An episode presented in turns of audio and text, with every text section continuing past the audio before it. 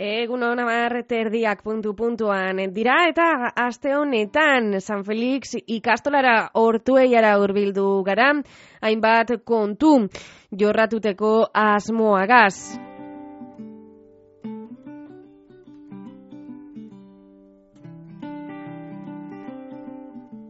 Hortze, zuzendari, irakasle eta hainbat ikasle ekas egon gara. Aitor Elorriaga zuzendaria, Olaia Berinkua irakaslea, Izaro Gutierrez e, ikaslea, Markel Iriondo ikaslea, Julene Garzia ikaslea B, Oianea Praiz irakaslea, Oier Sánchez ikaslea, eta ikasleak dira Odei Bolsoni, Jimena Gesuraga eta Igone López Eta azkenik, janire hortiz de Pinedo B geugaz egonda.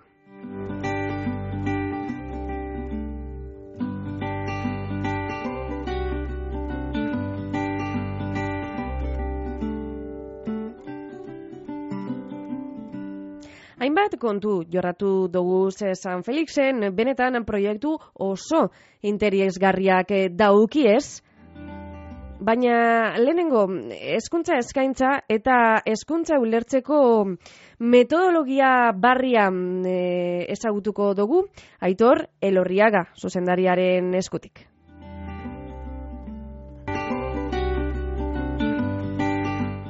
Beste alde batetik, Steam zer da eta zelan lantzen daben San Felix ikastolan e, jakin dugu edo ezagutu dugu Olaia Berinkua irakaslea eta Isaro Gutierrez DBH iruko ikaslearen eskutik.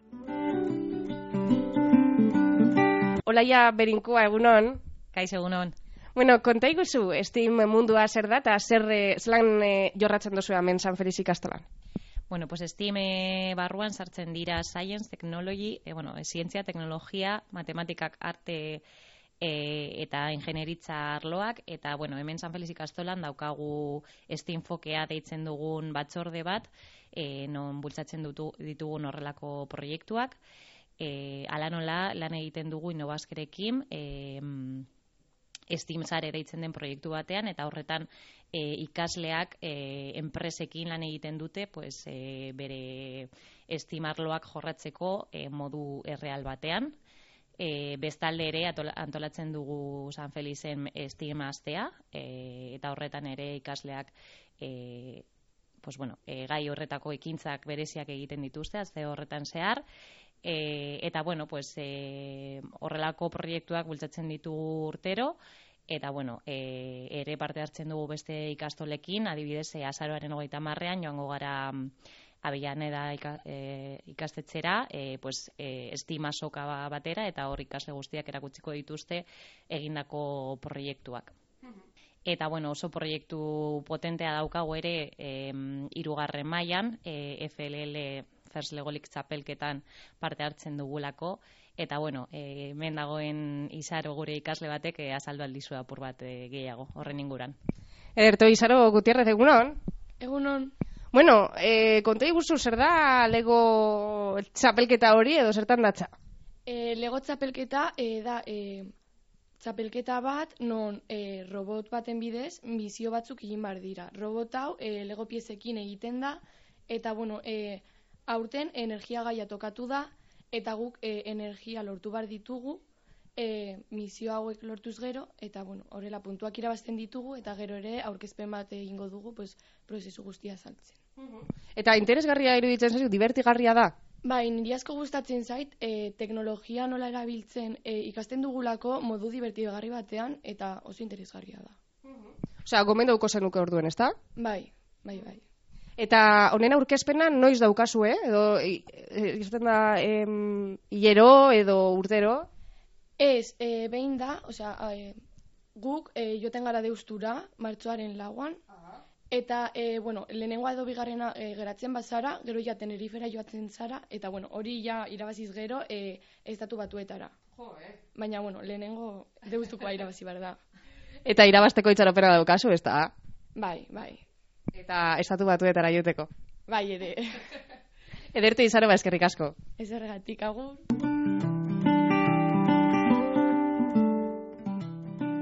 Steam proiektu alde batera itziko dugu eta Erasmus zera joango gara.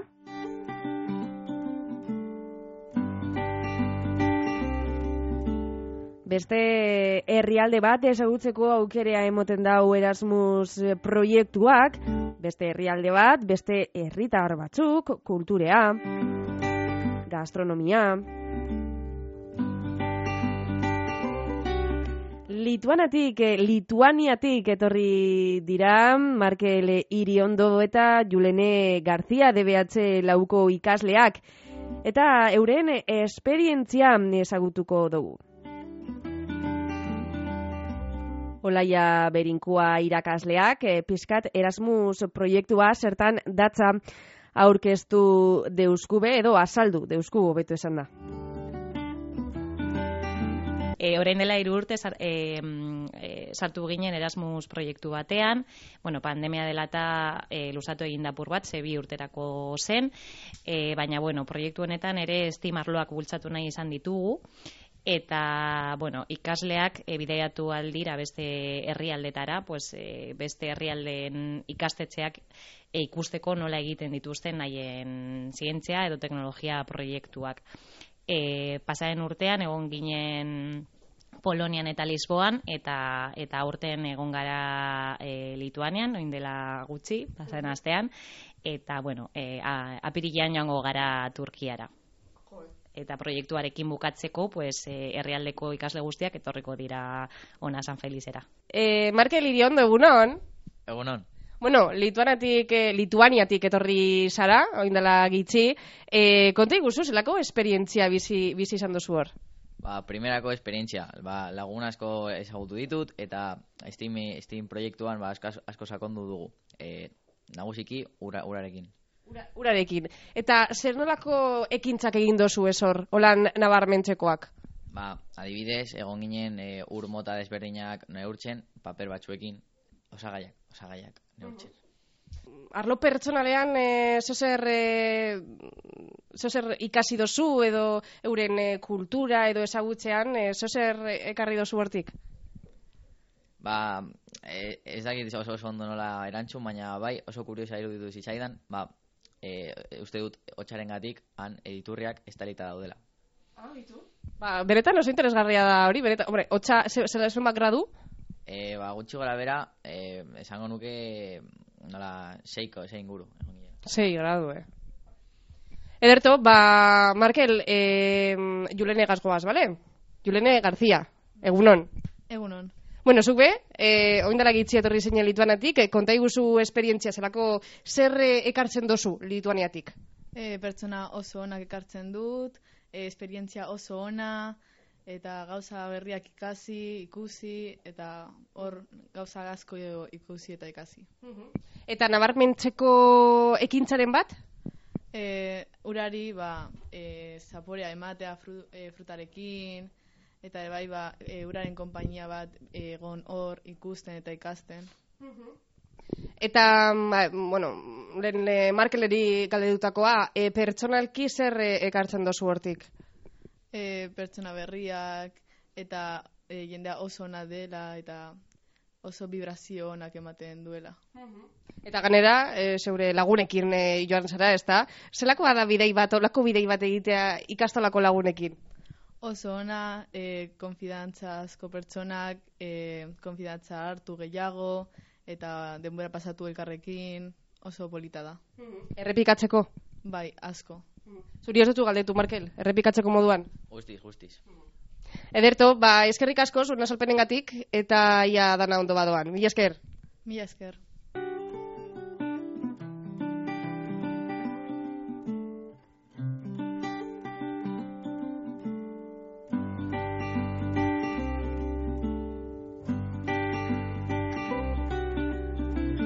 Aurreko ikasturtean, San Feliz ikastolak martzan ipini eban irrati propio bat.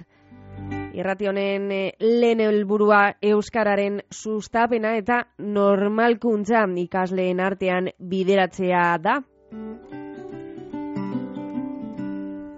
Eta gai hau jorratzeko, oiane apraiz irakaslea eta oier Sánchez ikaslea lehen eskuntzako zeigarren mailako ikasleagaz egon gara.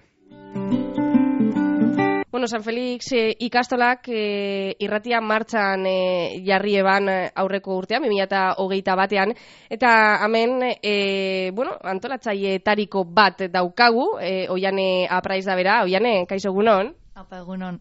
Bueno, konta iguzu zelan sortu zan hau, ideia. Bai, ba, e, bueno, beste lankide batek ikusi zegoen beste ikastola batzuetan iten sala bardine, eta, bueno, pantxegen duen beha hemen ba, Euskara lantzeko eta oskotasuna jorratzeko, eta bari, ikasle motivazioa pisteko, bai, deia politi izan alzala. Bai, bai. Eta ze maiatik ze maiar arte doaz edo parte hartzen dabe ikaslek? Ba, e, hasi ginen, aurrezkuntzako hau bai bost urtekoak txikitzukin zeuren bai euren ekarpena, gero lehen eskuntza osoa, eta baita DBH-koak bai. Orduen bost urtetik, amasi urtetara gutxi gora bera bai. Eta zer, zelako gaiak jorratzen dozu, ez adibidez txikitzuenak? Zer zeiten dabe? Bai, ba, ipin egin duzen e, atal batzuk, ez? Ba, albisteak, txisteak, bitxikeriak, eta beba ipin egin duen e, kutsa kuskuseroa, orduan ikastola guztiek salto, sartu alzeuzen mezuek, eta be- bertan irakurtzen ziren. Eta orduan e, hori e, egitura bardini jarraitu zeun ikastola guztiek. Eta aurten e, aldaketa bat indogu eta podcastak iten gabiz gai bat jorratzen. Eta adibidez, e, bueno, hori txikitzuak, baina gero, DBH-koak nagusienak adibidez, zer, zer egiten dabe saio normal baten? Bardine, e, bai, kastela guztiek eukiten zuen e, egitura bardine, eta grabatu gendu zen bai, rafaga sartuteko bai, hori, atal bakoitzaren hasikeran eta bakoitzak bere mailan in zuen, e, ba, hori, e, zailtasun maila ezberdinegaz, baina danokin gendu zen atal bardinek, bai. Eta mm, etorkizunera begira, e, mantentzea pentsatzen dozue? Bai, hori da, aurten me bai badau martzan, eta hori izan duten moduen, ba, aurten podcasta e, hasi dire e, egiten DBH-koak, orduen hartu deure gai bat e, e, hori, oinarri moduen, eta horren inguruen da bizberbaz.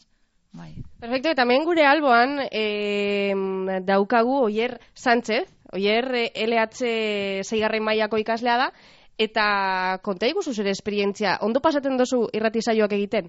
Bai, oso ondo pasatzen dut, lagunekin hitz egiten eta oso divertiagarria da. Eta mm, honek igual ideia mongotzu nagusitan kasetaria izatea, edo ez? Ez. Claramente, ez, ez Irratia gustatzen jatzu, baina pizkatzu bat ez asko, ez da? Egiteko egun batzuk eta gero ba entzuteko, ez gehiago. Gero etxean entzuten dozu e, irratzaioa gurasoekaz? Zuretzen entzuten dugu, eh? Bai, bai, eh, grabetan dugun saioa, gero ikastola guztiek badeko tartetxu eta astero entzuteko eh, hori irrati saioa, zapasitan, eta ganera hori beti kutsak uskuseroa gaz, danok egoten gara intriga gazia ze, ze mesu bidale direzen, eta holan, eta erronkaren bat begoten da, bai, eh, galderaren bat, eta opari bek eh, egoten dire, eta holan. Zer da gehien gustatzen jatzuna? E, ez dakit. Guztia, ez? Bai, oso ondo. Guztia, bai. Ba, oso ondo. Ba, eskerrik asko Jane eta Oier.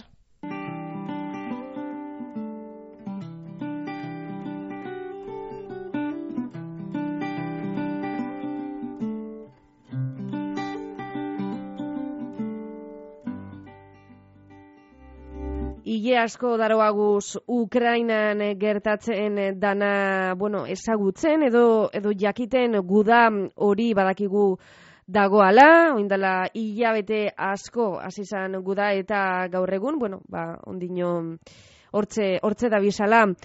Eta San Felix ikastolako ikasleek pentseu eban, eta zelan lagundu geinke?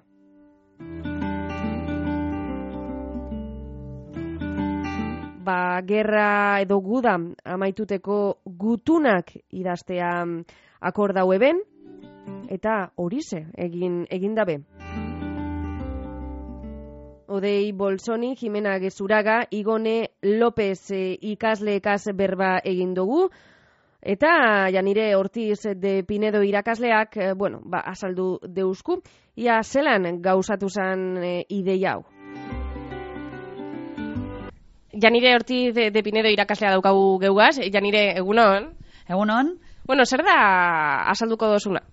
Bueno, ba, men San Felizen e, ikastolaren ardatz e, desberdin batzuk ditugu, eta e, eskuntzaren beste ikuspegi bat eman nahi diogunez, ba, asalduko dizu eta purtzu bat, e, zelan lantzen dugun hemen e, ba, pertsona, ez? Ba, pertsona garen einean, apur bat e, gure helburua da, e, esparru desberdinetan, e, bakoitza desberdina den einean, eta gure berezitasunak ditugun einean, balantzea esparru desberdin guzti horiek, ez? Emozionalki, akademikoki, ba, ikusten e, behar ditu ditugun e, behar izan guztiak asetzeko baliabideak eskaintzea batez ere e, ira, ikaslei eta baita irakasle ere. E, horrekin lotuta ere, berrikuntzaren aldetik, ba, saiatzen gara hori, e, pertsona desberdina garen neinean, berrikuntza ere moldatzea e, pertsona bakoitzari, ez? Horretarako, e, batez ere ikasleek baliabide desberdinak dituzte, e, garapen pertsonal hori aurrera eramateko. Eta gero oso ardatz importantea eta um, e, oinarrizkoa iruditzen zaiguna da kompromiso, kompromiso soziala, ez? Hemen San Felizen hainbat e, kanpaina egiten ditugu, e, UNICEF ikastolarekin e, harreman handia dauka, hitzarmen bat dauka, e, umen eskubiden aldeko martza egingo dugu aste honetan, aitamari e, itzasontziarekin ere harremanak ditugu, baina batez ere hortueiako gizarteak dituen zailtasunak e, laguntzen saiatzen gara, ez? Edo zailtasun horiek, ba, behintzat, e, ulertzen eta ikastola moduan eta ortoian e, gauden einean, ba, laguntza hori ba, bertoko gizarteari eskaintza horretarako ba, konparte gora bide JKE desberdinekin edo elkarte desberdinekin egiten dugu lan. Eta e, horren arira datorkigu e, ba, Ukraniako guda e, klasean landu duguna eta klasean azaldu duguna eta mm, ikasleek ba, e, kontzientzia bat hartu dutela e, horren inguruko ba, hausnarketak eginez. Eta orduan bereien, e, beraien kabuz, ba, proposamen bat e, egin ziguten. Eta izan zen, enbasada desberdinei gutunak bidaltzea, e, taldeka, apur bat e, eskatuz, ba, guda, burugabeko guda honen e, bukaera eskatzen. Igone López ikaslea daukagu geugaz, Igone, egunon? E, kaizto, e, nigone naiz eta ba, hemen e, azalduko dut zer egin dugun klastean, ba, egun batean eh, heldu e, ginen e, klasera. Eta e, nire aur, mm, gure ikasleak oi, irakasleak ba esan zigun e, alberan jarri zigun e, berri bat zela e, Putin e, jarri nahi zuela hirugarren e, guda. Eta e, ba horretaz hitz egiten ari ginen eta ba piztarran jartze e, jarri genuen e, idei batzuk. Eta bat zen e, enbasedi gutun batzuk e, bidaltzea. Eta e, nire kasuan ba e, e, e, Estados Unidos Ameriketako. E, enbazari bidali. Eta ba pizka bat e, jarri genuen en plan gainetik azalduta e, zelan egin zer egin aldute gu ba Ukrainiari bebai laguntzeko e, bera beraiek e, egin altzen duten e, gauzak ba saiatzea egiten. Eta ba hori gainetik horrela. Uh Igone, eta igone gaz batera mm, e, beste ikasle batzuk eh, dagoz, e, Jimena, Jimena dago hemen, Jimena Gezuraga. Jimena, bueno, e, zeure esperientzia zelakoa izan da egunon? E, niri ideia hoina e, ba, e, iruditu zitzaidan, ze e, horrela e, lagundu aldugu e, e, Ukrania dauden familia inocentei eta ere bai irurtzen ere bai daude familia inocente batzuk. Ez, e, e, eta amaienan ez du inork e, irabazten amaitzen ze e, bi e, biotan e, jendea hiltzen da.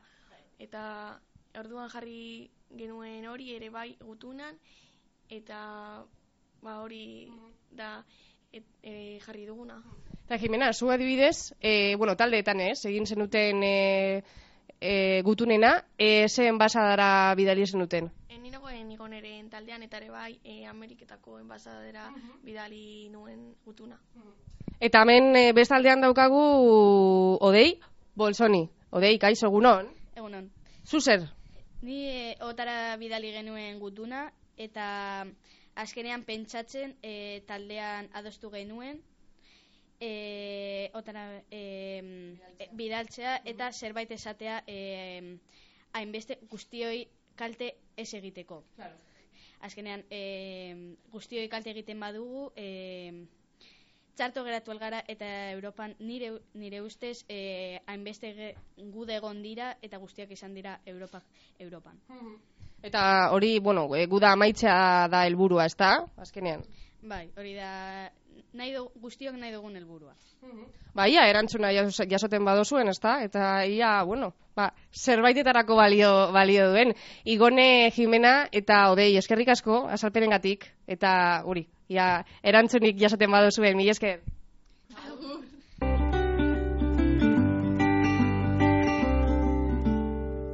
Hainbat kontu, hainbat gai jorratu dugu, eskuntza tarte honetan. Eta amaitzeko, ba, eskerrak emon. Aitor Elorriaga, Or- Olaia Berinkua, Isaro Gutierrez, Markel Iriondo, Julene García, Oianea Praiz, Oier Sánchez, Odei Bolsoni, Jimena Gesuraga, Igone López eta Janire Ortiz de Pinedori. Eskerrik asko. Oso gustora egon gara San Felix ikastolan hortueian. Eta hurrengo ikasturtean barrio alkarrega segongo gara. Ondo izan, agur.